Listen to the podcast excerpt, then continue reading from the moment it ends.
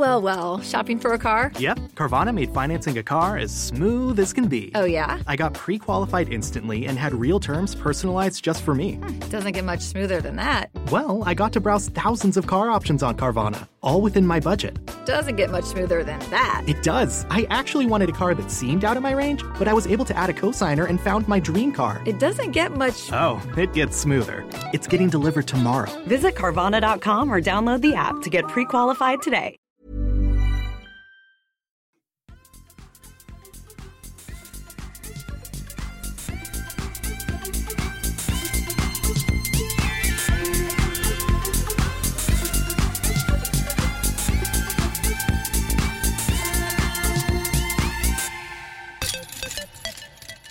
Då är vi igång med ytterligare ett avsnitt av Kedja ut, en podcast om discgolf. Jag heter Tommy Bäcke och gör det här tillsammans med Niklas Nyman. Och denna vecka även med våran eminenta gäst som eh, det nu är drygt två år sedan han var med senast. Välkommen tillbaka till Kedja ut, Robin Willman. Stort tack. Hur är läget? Jo, men det är bra. Vårkänslorna sprudlar i faran. Drog på sommardäcken idag så nu är det dags. Hur är det med dig Nicke? Det är bra. Jag har ju attack käka middag här. Eh, så att jag tänkte att jag kanske kan springa till mötet jag ska iväg på sen. Du Eh, attackade någonting annat innan vi började spela in också. Ska du berätta lite om det? Nej, det behöver Nej. jag inte berätta för offentligheten. Det är inte nödvändigt. Men det är bra med mig. Det är ju svinsoligt, svinfint och snön är på väg bort. Det är bara positivt tycker jag. Och så. så det är fint. Och alltså helt allvarligt, har det gått typ två år sedan Robin var med sist? Han var med 2 juni 2021 sist. Det är ju det är helt sjukt ju. Det var på min 28-årsdag. då. Ja, det var innan SM va? Nej. Mm, Nej, det måste det här 2021. Då var det ju SM i Västervik var det inte? Jo, det var det. Jo, det här var bara en vanlig klassisk tisdagssittning tror jag. Mm. Men vad har, vad har hänt sen sist Robin? Vad, liksom, vad, ja, vart står vi? Vart är vi? Ja, det har väl hänt. Det har runnit mycket vatten under broarna så att säga. Både discgolf och eh, privat så att säga. Mm. Ehm, men eh, ja, var ska jag jag ska börja ens? Det är sagt, två år sedan jag var med sist och eh, uppe i flytt och renovering och eh, lite privatliv som ja, gick åt olika håll. Eh, och lite discgolf. Det känns som att det har varit väldigt lite fokus på discgolf. Alltså senaste två åren i alla fall. Det har varit mindre fokus i alla fall. Lite fokus har det nog inte varit, men det har varit mindre fokus än tidigare. Vad, om, du tar, om vi tar förra året till exempel, då kändes det som att det är liksom på väg tillbaka. Om, eller om vi tar så här, 2019, då var väl egentligen du... Robin Willman var väl egentligen namnet på Discgolf Sveriges läppar då. Det var liksom då du hade din prime och var i alla fall som allra bäst resultatmässigt eh, hittills. Men vad, vad är det som vad är det som saknas eller har saknats senaste säsongerna mot eh, 2019? Om vi ser både discgolfmässigt och, och privat. Liksom. Vad, varför är, är det inte Robin Willman 2019, 2022? Nej, men det började väl redan slutet 2020 att eh, hela glädjen, ja, hela glädjen försvann till sporten. Helt enkelt. Det, nej, jag tyckte inte det var kul att spela längre, utan då tränade jag mest för att eh, eh, hålla sponsorerna glada. Kändes det som då. då. Och då blir inte resultaten som man vill. Jag tror att jag, jag blir ganska uppriktigt glad att höra dig säga just en sån sak för att jag tror att många borrar ner huvudet, alltså tror att det bara är guld och gröna skogar. Eh, men nu har väl du haft eh, åtminstone din huvudsponsor sedan 2017 eh, Eh, och varit med och liksom haft det man behöver inom discgolf för att kunna liksom klara sig så gott det går på en åtminstone en svensk tour. Och sen tycker jag i alla fall att det är starkt att kunna vara öppen med det att nej men fan, det är inte roligt. Jag tycker inte att det är kul. Varför, varför gör man det här? Och för, som, som sporten har sett ut så har det varit väldigt mycket en stor boom och det är många som har kommit in och tycker att det här är det roligaste som finns. Samtidigt så ser vi inte den sidan av sporten som det faktiskt är att de allra bästa kanske kämpar med karriären och eh, prestationen precis som i vilken annan sport som helst. Det är ju, det är ju en stor grej i det hela att vara discgolfare i Sverige, att man får det mesta betalt från sponsorerna, men man måste fortfarande jobba sina ja, 40-50 timmar i veckan på sidan av. Är det någonting som att... är i vägen för dig just nu? Känner du? Nej, absolut inte. Jag har ett superbra jobb som jag är nöjd med och vi är ett globalt företag. Så jag, jag jobbar i Köpenhamn så sitter jag på kontor i Köpenhamn och jobbar. Eh, eller är vi i Finland så kan jag sitta i Finland och jobba. Så det stör inte överhuvudtaget. Men, ehm, men det är också en, ett pussel att få ihop det. Och det har varit eh, ja, tungt de sista två åren då att försöka och ja, när man inte tycker att det är skitkul heller. Att då få ihop också och kunna prestera på jobbet. Men det måste ju vara ganska skönt att bara bestämma sig.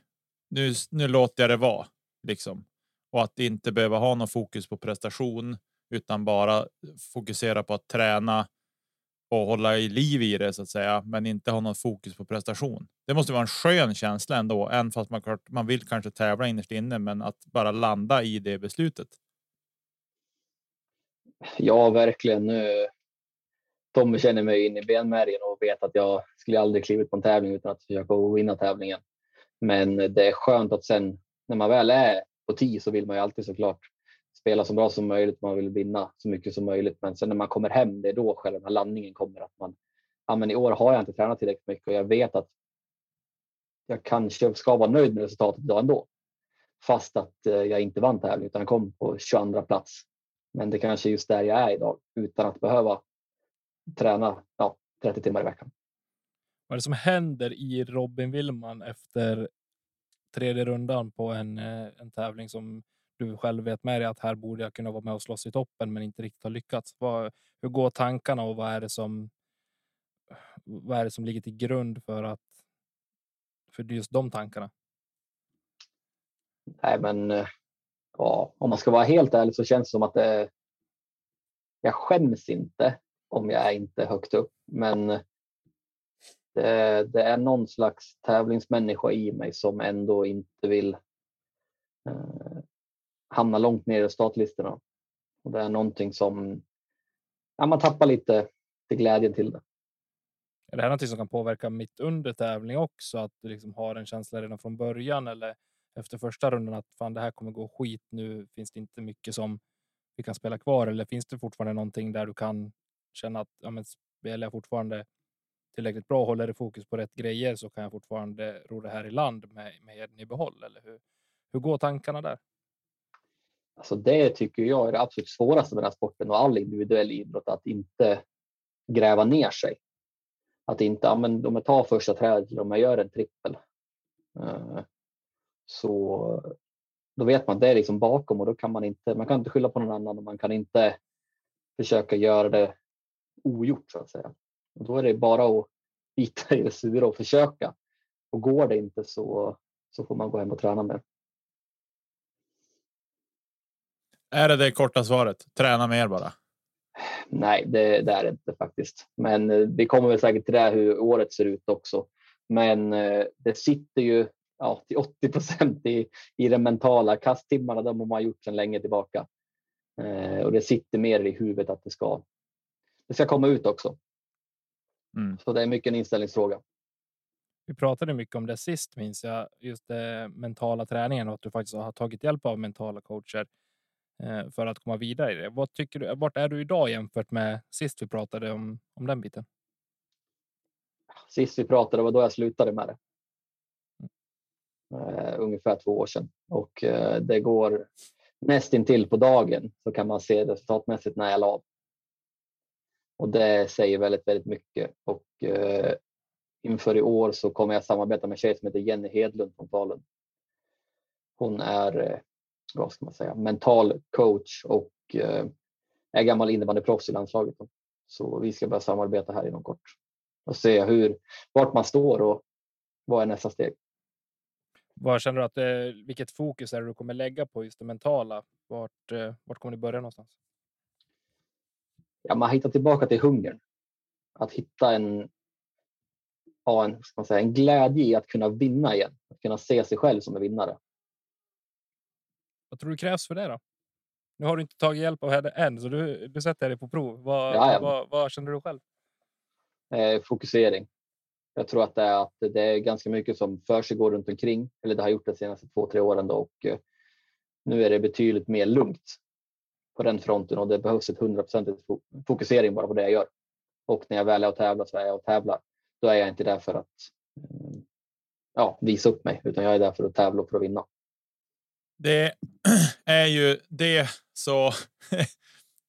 det här har vi pratat om, om många gånger jag och Tommy också. Men eh, just det här med. Det märks att ni är nära kompisar om vi säger så.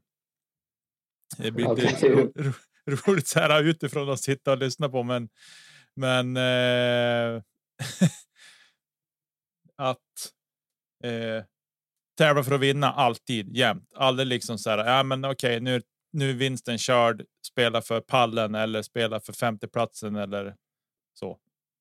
Eh, men det är kul i vilket fall. Men du, eh, 2022. Det är ett år som vi har bakom oss som eh, eh, discgolfmässigt. Hur hur sammanfattar du säsongen 2022? Om vi börjar med det som var var sämre och kan förbättras och vad som var bra. Yes. Eh, det som var sämre under året var att eh, jag hade svårt att fokusera på de tävlingarna som vi hade räknat med att prestera. Till exempel SM och på NT-tävlingarna. Vilket gjorde mig väldigt less på mig själv. Och det, det har man bara sig själv att skylla. Att man inte tycker att det... Men det finns yttre faktorer att alltid skylla på såklart. Men det ligger fortfarande i en själv. Jag skulle säga att det är... Hanteringen av det liksom som du känner att, att det brister eller har brustit eller vad, vad känner du? Ja, men det är mer hur, jag, hur, jag, hur man tacklar motgångar, både på, på banan och utanför banan och efter rundorna och att man inte... Eh, ja, men det var svårt att hantera helt enkelt. Vad tar du med dig då? Det positiva? Ja, alltså, det var några tävlingar som jag spelade var ganska bra på. Till exempel Heatland-tävlingen var ju åtta tror jag det blev. Ja, stämmer. Eh, vilket jag var jättenöjd över. Och när jag blickar tillbaka nu när jag ser resultaten så var det ju riktigt bra discgolf. Du det gillar var inte den banan speciellt heller, så jag kan tänka mig att du var väldigt, väldigt nöjd med den placeringen. Ja, alltså första året var där så gillade jag inte alls layouten och eh, nej, det, var, det kändes inte färdigt. Men sen gav jag fan på att testa igen. Och eh, då spelade jag bättre. Och då fick jag det mer att fungera. Banan var mer hel och mer komplett än vad den var. Mm, sen tar jag även med mig ja, hela upplevelsen i Sula, alltså i Norge. Allt ifrån bilresa dit till, eh, jag tror att det kom 37 eller 36 tror jag kom. Eh, Och mitt mål var ju att klara katten. Och, eh, så det kändes jättebra. Där tycker jag att jag spelade stabilt och det var ju två runder som var halvbra då, men det var lätt hänt på eh, runt vattnet där. Är det en tävling du kommer besöka i år igen? Nej, det är det inte. Det var väl så där med vädret också. Det var väl rätt kallt där va? När ni var där. ja, um, Silla, skulle, eh, Silla följde med då och eh, hon skulle få se fina vyer i Norge och varmt och skönt. Men eh, sen var det 6 plus och det regnade i sidled när vi skulle åka ut på runda 1 07.00. um, då var hon mindre nöjd, men hon bar väskan alla runder så det är all heder. Hon är uppvuxen bland bergen också, så det spelar ingen roll. Ja, Hon är ju van sant. Ja, blåst och regn i sidled. Nej, så det är väl det jag tar med mig från förra året. Då, att eh, de stora tävlingarna, då var vi Heatland och, och eh, Sula som var de större tävlingarna. Så spelade jag i Köpenhamn då såklart, vilket är en riktigt rolig tävling. Då. Så där skötte jag mig hyfsat. Ja, men det måste jag ändå säga att du, att du gjorde. Eh, startade med en eh, 22 plats. Mm. Eh, ta cash och så här, alltså, man vet ju inte riktigt var man står heller första, första på säsongen. Eh, slutet på april. Det är ju, ja, snön har precis smält även nere hos er. Så jag menar, det, det är tufft att veta. Ja. Om vi, ser, om vi tar omständigheterna, omständigheterna runt omkring. Om vi pratar med spelare, motspelare, tävlingar och så vidare. Vad, vad känner du att discgolfen i Sverige har står idag jämfört med fem år tidigare? Det Vad finns det för utmaningar att, att tackla? ja, det är mycket, mycket mer folk som är riktigt bra. Det är betydligt många fler som kan vinna varje tävling man åker på. 2019, 2020 så var det kanske mellan fem och åtta stycken som man visste skulle vara med och slåss om det. Nu kan det vara 20 som är med och slåss om det, 25 som är med och slåss om det. Så det finns en betydligt bredare topp nu, vilket är riktigt roligt och eh, svårt. Framför allt, det kommer upp yngre folk som är orädda och riktigt bra. Och så är den här klassiken, den halvrisiga MA2-spelaren. Jag också, har också varit MA2-spelare, så skrik inte på mig nu. Men den halvrisiga MA2-spelaren som alltid spelar sin bästa runda på, hemma, på hemmaplan. De kommer alltid finnas med i contention där också, det vet vi. Ja, de finns alltid med, men de orkar inte tre varv. Nej, det är så. Men är det ett endagars event på hemmaplan, vet du, då är man livsfarlig. ja, jo. Men du, inför 2023 då, vad, vad är önskvärt att ta med, dig, ta med dig in här? Hur vill du starta säsongen? Eh, skadefri. Mm. Det är en stor del som jag har jobbat väldigt, väldigt mycket med under under off-season nu, så det har varit mycket tid på gymmet, mycket konditionsträning och fixat min armbåge, löst mitt knä och fixat eh, mitt finger. Finger. Det där jäkla, får man inte säga, men det fingret har varit en, eh, ett irritationsmoment. Men nu har jag hittat lösningen. Så Jag tror att det är du och Ki som är de två mest skadedrabbade personerna som jag haft med i podden. ja, vi gnäller nog mest både jag och han.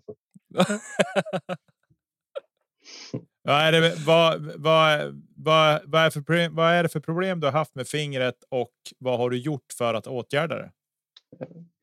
Det var en eh, säga, överbelastning på långfingret som resulterade i att det släppte en flisa i, i ja, flisa från benet då helt enkelt. Som eh, då var 2 millimeter bred och 5 millimeter lång. Som vi inte upptäckte först, som sen har legat och gnagt på, eh, på leden och på kapseln längst ut. Så, så fort jag spelar lite för mycket så kan jag inte börja på fingret sen och då kan jag inte powergrippa någonting. Så halva säsongen 20, 20 och hela 21 så eh, kastade jag fangrip med ja, allting. Just det. Och sen Och- 20. Sen 2022 körde du vänstern. Och då fick det läka till sig och så sen nu. Så att ja, men det är bra att bredda sitt spel som de säger. Ja. Nej då, jag eh, åkte på en eh, privat magnetröntgen nere i Västerås som tittade på vad det var som hittade den där mm, flisan då, som ligger i fingret.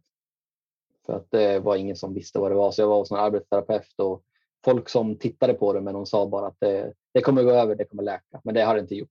Så då tog jag ett kontakt med en kille här i Falun då, som har skjutit i kortison i leden. Så det håller ett halvår och sen får jag ta en ny kortisonspruta om ett halvår igen. Det är ingenting man opererar det där. Det känns ju så där, Nej, och skönt att ha en flisa som är lös i fingret liksom. Nej, de går inte in. Det är för liten del. Han, han säger att kroppen kommer äta upp det där tids nog. Okej, just det. Mm. Ja, men då så. Kortison verkar vara bra skit. Ja, det är bra ett tag, men sen säger han ja, gör vi en 10 sprutor så kommer du ja, bli stelopererad sen när du blir äldre. Men då sa jag att om 10-15 år så får de väl göra det. Då ligger du med en kubanare någonstans. Nej, sen har jag haft stora problem med min armbåge också. Som har kommit och gått. Så jag var vid SM20 ja, men i Västervik där då. Som jag knappt kunde lyfta väskan med höger armen. Då gick jag med vagn och försökte harva mig runt. Eh, Det var väl då jag insåg att det här är inget bra. Nej. Så då, så då var jag uppe och fick stötvågsbehandling och eh, dry needling då, när de sticker lite nålar i, i armen som släpper på trycket. Men det kommer tillbaka som en, som en käftsmäll sen när man börjar kasta längre forehands igen. Så nu har jag varit på en blodförtunnande kur i fyra dagar. Jag har gått på blod, blodförtunnande och eh, det verkar ha hänt någonting i armbågen nu, så nu känns det betydligt bättre nu. Vet de vad som är paj där då? Eller bara förslitning och överbelastningar? Eller är det liksom? Vad är liksom orsaken till smärtan? Nej, det är att eh, jag har ont i två senor som är eh, så pass långt gått nu så det är en kronisk skada som jag har. Så den kommer inte att eh, försvinna helt, men det här med blodförtunnande kommer att hjälpa till. Just det. Kasta inte forehand. Det är inte konstigare än så. Det är den enkla lösningen. Lätt att säga när man spelar Ceteris i Sävar. Finns det ett forehandhål? Jävla...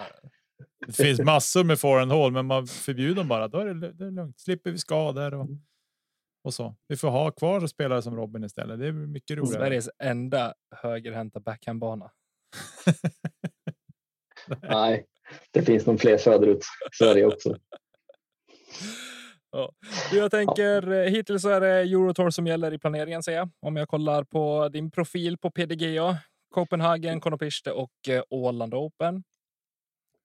Är det någonting eh, mer inplanerat som inte syns här? För... Uh, ja, men det som är står på väntelistan i både Borås och i Swedish Open. Swedish, ja, precis. Swedish Open står jag på väntelistan på. Och sen även så ska jag spela par-SM och vanlig SM och sen har jag faktiskt anmält mig till NT1 och 2. Så där, Västervik också alltså? Ja, jag pratade med spåraren och sa att banan är aldrig varit så bra som den är, så då lurade han ner mig. Du har, du har ju goda minnen från Västervik också. Men jag har väldigt dåliga minnen från Västervik också. det, är det, många, det är det fler i Sverige som har. Sverige. Åtminstone alla som har spelat SM 2021. Ja, men vi, vi alla vet vems fel det var. Att det var sånt väder. Så det behöver inte men vad, Eh, vi har varit inne på kroppen lite grann. Hur, hur känns kroppen i dagsläget då, inför eh, säsongstart och så där för dig? Kommer du att vara så gott som frisk och hundraprocentig till att du står på tee? Eller hur, hur känns det? Skademässigt ja. Jag var ute och spelade igår. Första riktigt långa eller med fulla forehands. Armbåge känns jättebra. Knät känns också bra. Eh, så jag känner mig frisk i kroppen. Jag känner mig, jag har nog inte varit så tränad på länge. Och eh, off-season har nog varit bra för mig. Sen har jag inte hunnit kastat lika mycket det som jag vill. Men det, det kommer det också. Vad känner du nu? Tidigare har du varit känd för att du faktiskt har haft en riktigt bra arm. Du har kastat långt. Du är väldigt kraftfull och har fortfarande tycker jag en av Sveriges absolut finaste kasttekniker.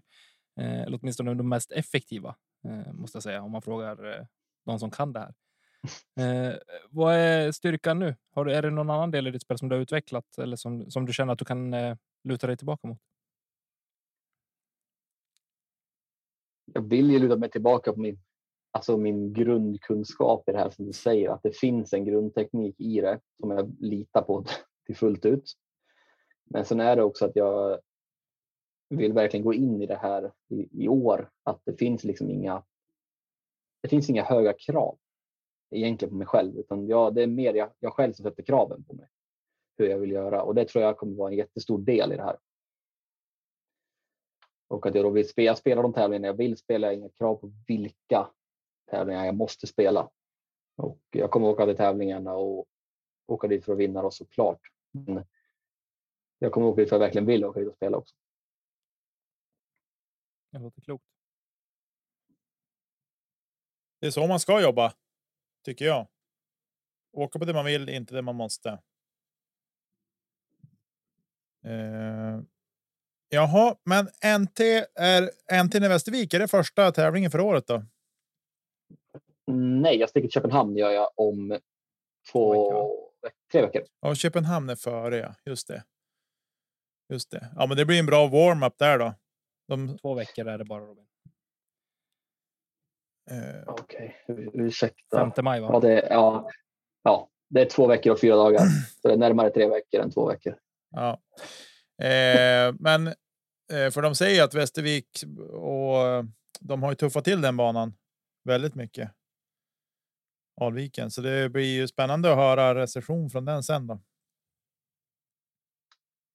Ja, jag ser fram emot att åka ner och spela den. De ska ju ha tuffat till den ännu mer mot vad den har varit tidigare.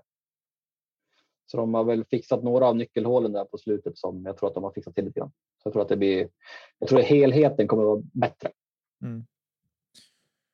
Spännande. eh, Och sen är det ju Åsbo också. Hemmabana. Vad händer där då, layoutmässigt? Kan du lägga ut några goda skvaller? Tanter här nu? Eh, enda skvaller jag vet är att snön har försvunnit. Mer än så vet jag inte på banan. Ja, det var ju positivt. Ja, nej, skämt åsido. Men eh, nej, jag vet faktiskt inte. Jag sitter inte med i styrelsen eller sitter inte med i ban, eh, bangruppen heller. Men det blir nog jättebra tror jag. De har gjort ett par bra ändringar. Hål, eh, banan är i snitt, ja vad kan det vara, fyra, fem kast svårare nu än vad den har varit tidigare. Det är svårare korvplaceringar, det är längre hål och det är ännu mer OB för alla som har varit där på plats. Nicke är svinnöjd, bara sitter och myser och känner att han vill utkasta lite forehand. nej, det är faktiskt inte forehand som lockar mig först när jag hör att det är mycket OB. Om jag ska vara helt ärlig. Det är inte det första jag tänker att åh, nu ska jag kasta forehand. Ja, nej, men du, det ska bli. Jag ska också ner på på NT i Falun. Det ska bli otroligt kul att se vad som har hänt där. Eh, komma tillbaka till någonting man tror sig känna igen, men eh, det visar väl sig hur, hur bekväm man känner sig väl på plats. Den är tuff. Den är, men den är bra. Nu är det bra tis överallt. Det är vissa hål som har blivit riktigt, riktigt bra. Grymt. Du, I skymundan här under de här åren så har du ju startat upp någonting vi kallar för Willman discgolf. Stämmer. Vill du berätta lite mer om det? Vad är det för något? Grundidén har funnits länge. Att eh, ja, men bolagisera discgolfen överlag bara. Det känns som att det är ett steg svensk discgolf behöver ta över, överlag. Mm, och då starta upp det här och kunna ja, men ta resor och man kan ta ja, men prispengar.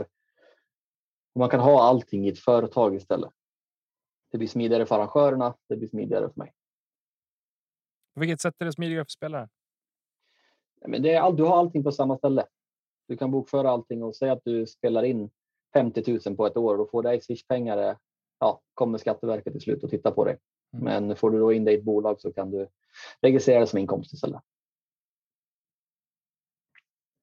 Det här är en diskussion vi har varit inne mycket på i podden tidigare, både för från arrangörens sida och även från spelarnas sida också. Det har varit lite fram och tillbaka med vad man vart man vill och vad man tycker är, är relevant att lägga press på spelarna. Jag, kör, jag tror ju på den delen att är man på den nivån där du hör hemma och vill vara så är det rätt väg att gå för att det blir smidigare.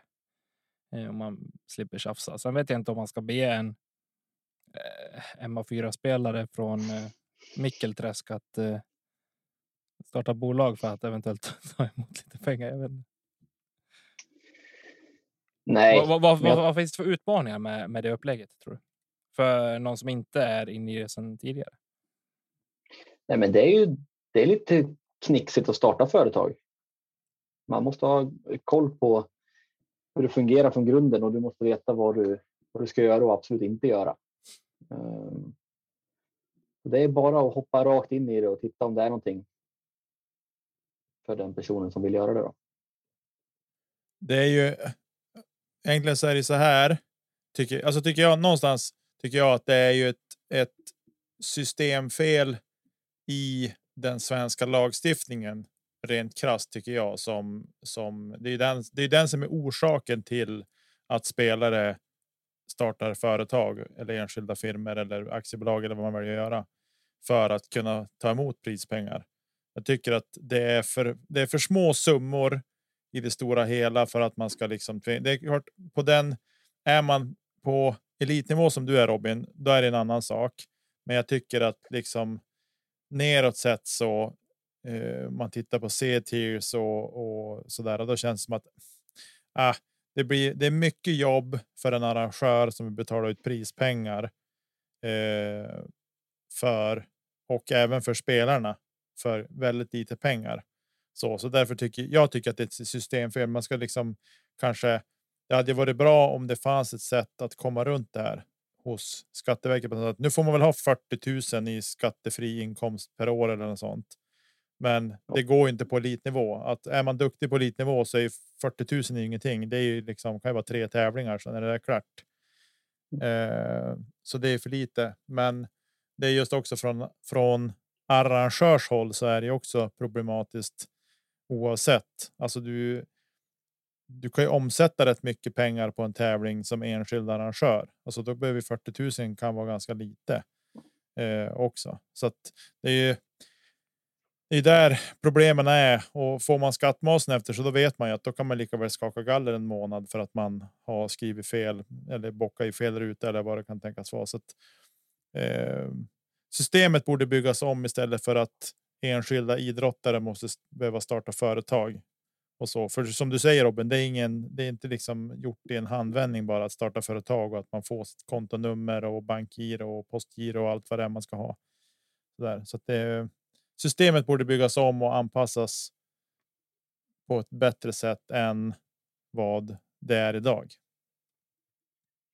Ja, ja, men jag håller med och med en stor.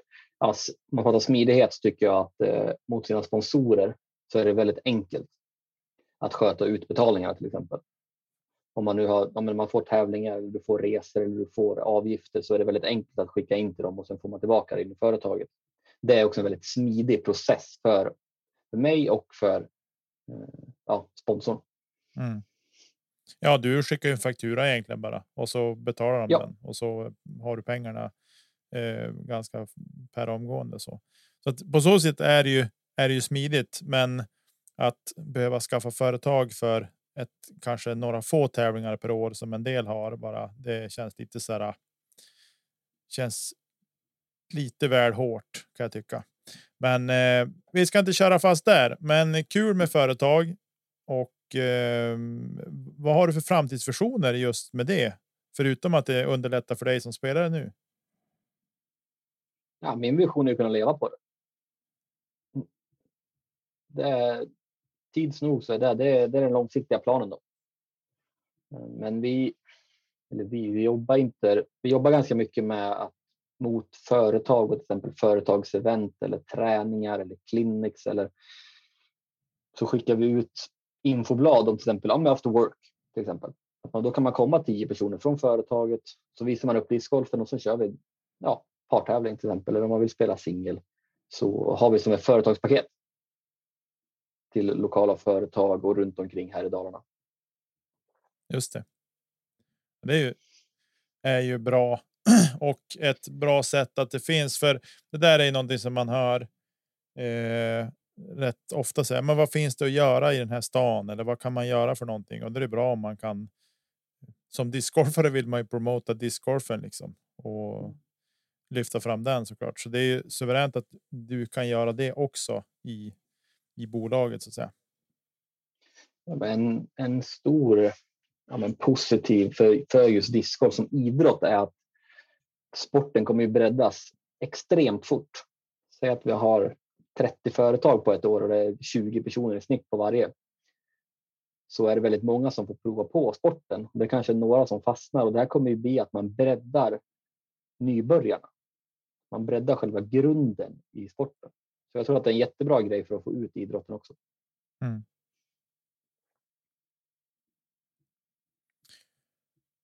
Ja.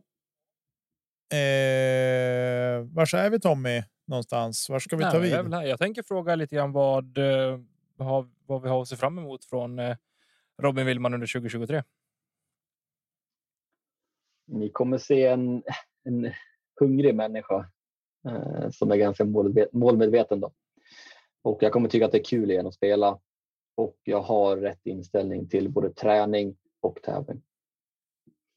Och sen ska jag komma in med en helt nytt, helt nytt mindset till hur jag kommer till tävlingarna och jag kommer förbereda mig betydligt bättre och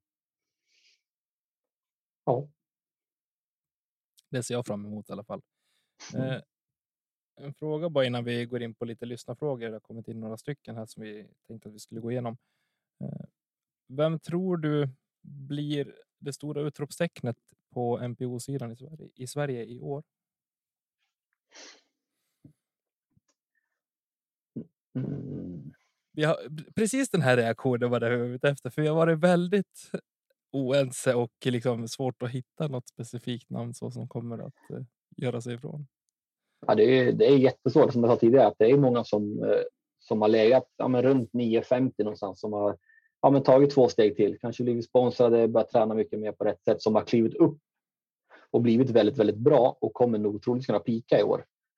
Eh, och det tror jag, det tycker jag är riktigt kul. Det är svårt att säga. Hagge är alltid Hagge, så det, han kommer alltid leverera, så är det ju. Men det är ganska säkert och ganska eh, enkelt svar. Det var ett jävligt fegt svar. Okej, eh, men det var en kille i Örebro jag spelade med på sista eh, STGPT där som hette eh, Elvis. Som spelar för RPM Discs nu. Han, eh, han var riktigt duktig tycker jag. Så han kommer nog att eh, blomma ut ännu mer i år. Kul! Då kör vi lite lyssnarfrågor tycker jag. Okej. Macke Hedblom. Mm. Hur har, har du kastat OB tre gånger på hål 15 på Åsbo?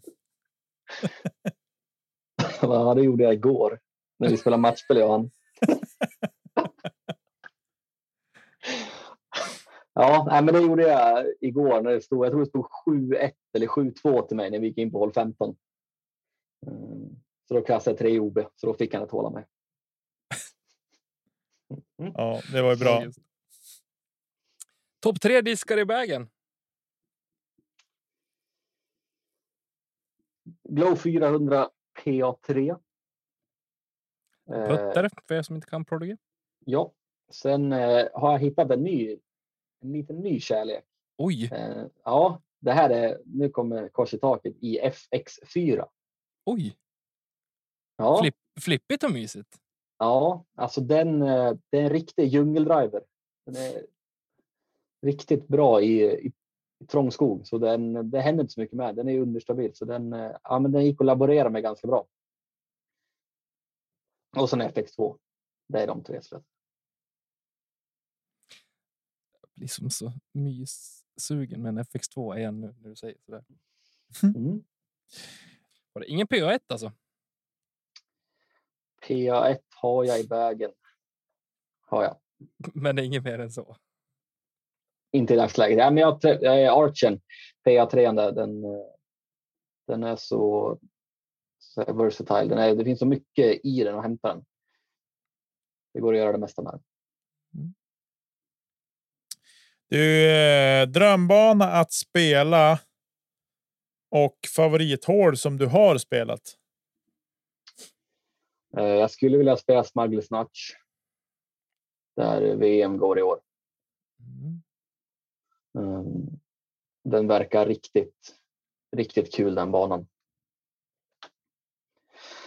Och vad sa du sen? Favorithål som jag har spelat? Ja, Uh, gud. Mm. Det luktar som att vi ska till Tjeckien. Ja, där, just det där. eh, Där finns det en hel drös med fina hål.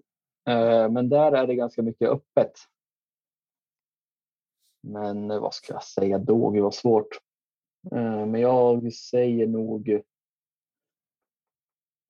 hål 3 Alevit. Par fyra, par femma. Ja, par 4. Par fyra. Mm.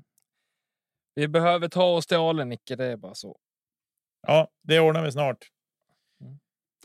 Victor Nilsson frågar här. Vad är din mest kontroversiella åsikt när det gäller discgolf? Folk har för fula kläder på sig. Det var egentligen min fråga. här. Vem har den opti optimala klädstilen eller outfiten på inom svensk discgolf och även på, på proffstouren? Eh,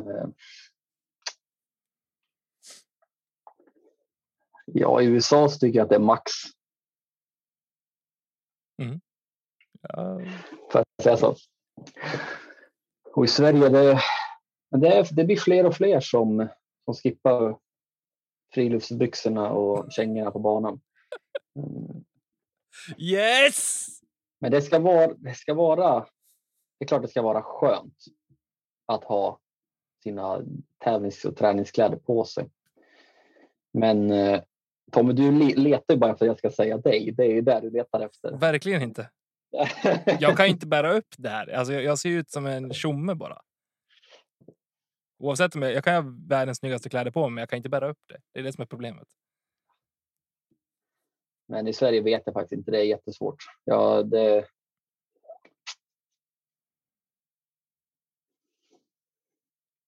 Ja, men då säger jag Tommy Bäcke då. Fast, Ni hörde honom. Ni hörde honom. Jag orkar inte. Jag hade önskat att du skulle ha sagt någon spelare med hoodie eller någonting. Så han hade fått gå i taket. ja. Ja, nej. Det finns många, som, många i Sverige som är där som är riktigt, riktigt bra också eh, när det gäller den Ja. biten. Det är väldigt många. Eh, Och vi går ju mot... Men, vi har pratat om det här lite grann tidigare också. Att, det- visst, det har varit en kul grej och kanske klankat ner på att folk inte kan klä sig och hur man bör ha en klädkod eller inte i, inom discgolf. Det är som en diskussion som alltid kommer vara på tapeten. Det som jag tycker framför allt är att folk hittar någonstans, men någon, precis som du är inne på Robin, någonting som är bekvämt men som ändå ser respektabelt ut och acceptabelt ut på banan. Medan vi, vi representerar ändå antingen en klubb, oss själva eller en, åtminstone sporten när vi, när vi är på tävlingar. Och ju högre upp, desto mer media, desto fler sponsorer som kommer vara i närheten. Då behöver det någonstans finnas en åtminstone en fingervisning på vad som är okej att bära och inte. Och sen om det är vandringsbyxor och kängor, ja, men då får det vara det Mm. framöver. Men frågar man mig så är det inte det. Vi hade en, en serb på EM i Kroatien 2018. Han kom i ett bomullslinne till 10 Fan, jag känner att eh, Serbien kanske inte har världsledande discgolfare på klädsidan. Nej, Nej, det är det. Nej, linnet får man skippa om man spelar MPO. Alltså. Det- det får man inte ha heller. Nej, precis. Nej. Men du, har vi missat någonting? Ja, det har vi. Vi Har har en vi? giveaway. Fast vi hade väl fått någon fråga i DM också va? Har du fått det? Ja, men då kan du ta den. För jag har inte Jag tror jag. Jag ska kolla. Vi ska se vars vi hade den. Det hade kommit någon. Folk. Jag förstår inte varför folk skickar DM för. Eh, där. Här. Vad, vad ser du som din största utmaning den här säsongen?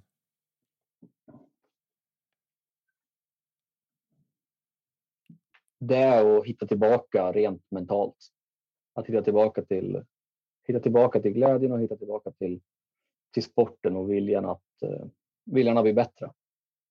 Jag tror att det kommer vara den, det har varit under ja, senaste åren den svåraste delen att hitta motivationen. Så jag tror att det kommer vara ja, det är svårt att hitta just det till tävlingen. Eh, vad kommer du ta för hjälp för att, eh, för att hitta? Nej, men jag kommer prata med Jenny som eh, kommer få hitta några delar i min, min hjärna som inte jag vet om att de finns ens. Nej, men det, jag tycker att det är viktigt att prata med. Jag tror också det är ett, ett steg i rätt riktning att ta in en sån mental coach som hjälper dig att eh, ja, men hitta sig själv och hitta sig själv hur man ska träna och vad man ska tänka på och hur man går vidare. Mm. Låter som fina ord. Nej, men det ligger mycket i det. är, kastar jag ett kast i träd så kan jag inte, ja, kan jag inte göra om det. Kan jag inte få det ogjort så då lär man lägga det bakom sig och den delen är jättesvår tycker jag. Det är den. det kan ju låta väldigt klyschigt, liksom, men det är ju oftast klyschorna som är det rätta. Liksom. Det som stämmer in. Mm. Det är klyschor av en anledning. Ja, men du, vi kan eh, sätta punkt för, för det där om inte du har något annat att, att tillägga. Robin. Så, Nej, men stort tack till allt, allt ni gör för svensk discgolf. Både utanför och i, i poddvärlden så att säga. Det uppskattas. Ja, för Robin lyssnar ju på varje avsnitt så att han vet exakt vad vi gör för svensk discgolf. Men eh, jag, var, jag har varit dålig senaste tiden att lyssna, men eh, under första två åren så var det min mest lyssnade podd. Det tackar vi för. Och då vet vi att vi har en eh, resa att göra tillbaka vi också. Men eh, för att ragga lite lyssnare då, så kanske vi ska annonsera en giveaway Robin, eller vad? Vi brukar göra det när du är med.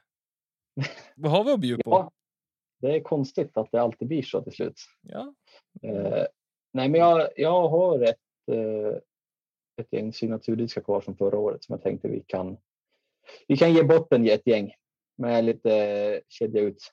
Kan man kalla det merch? Kan man kalla det? Ja, vi skickar med några patch också. Så är vi inte helt lottlösa från vår sida heller. Ja, det är bra.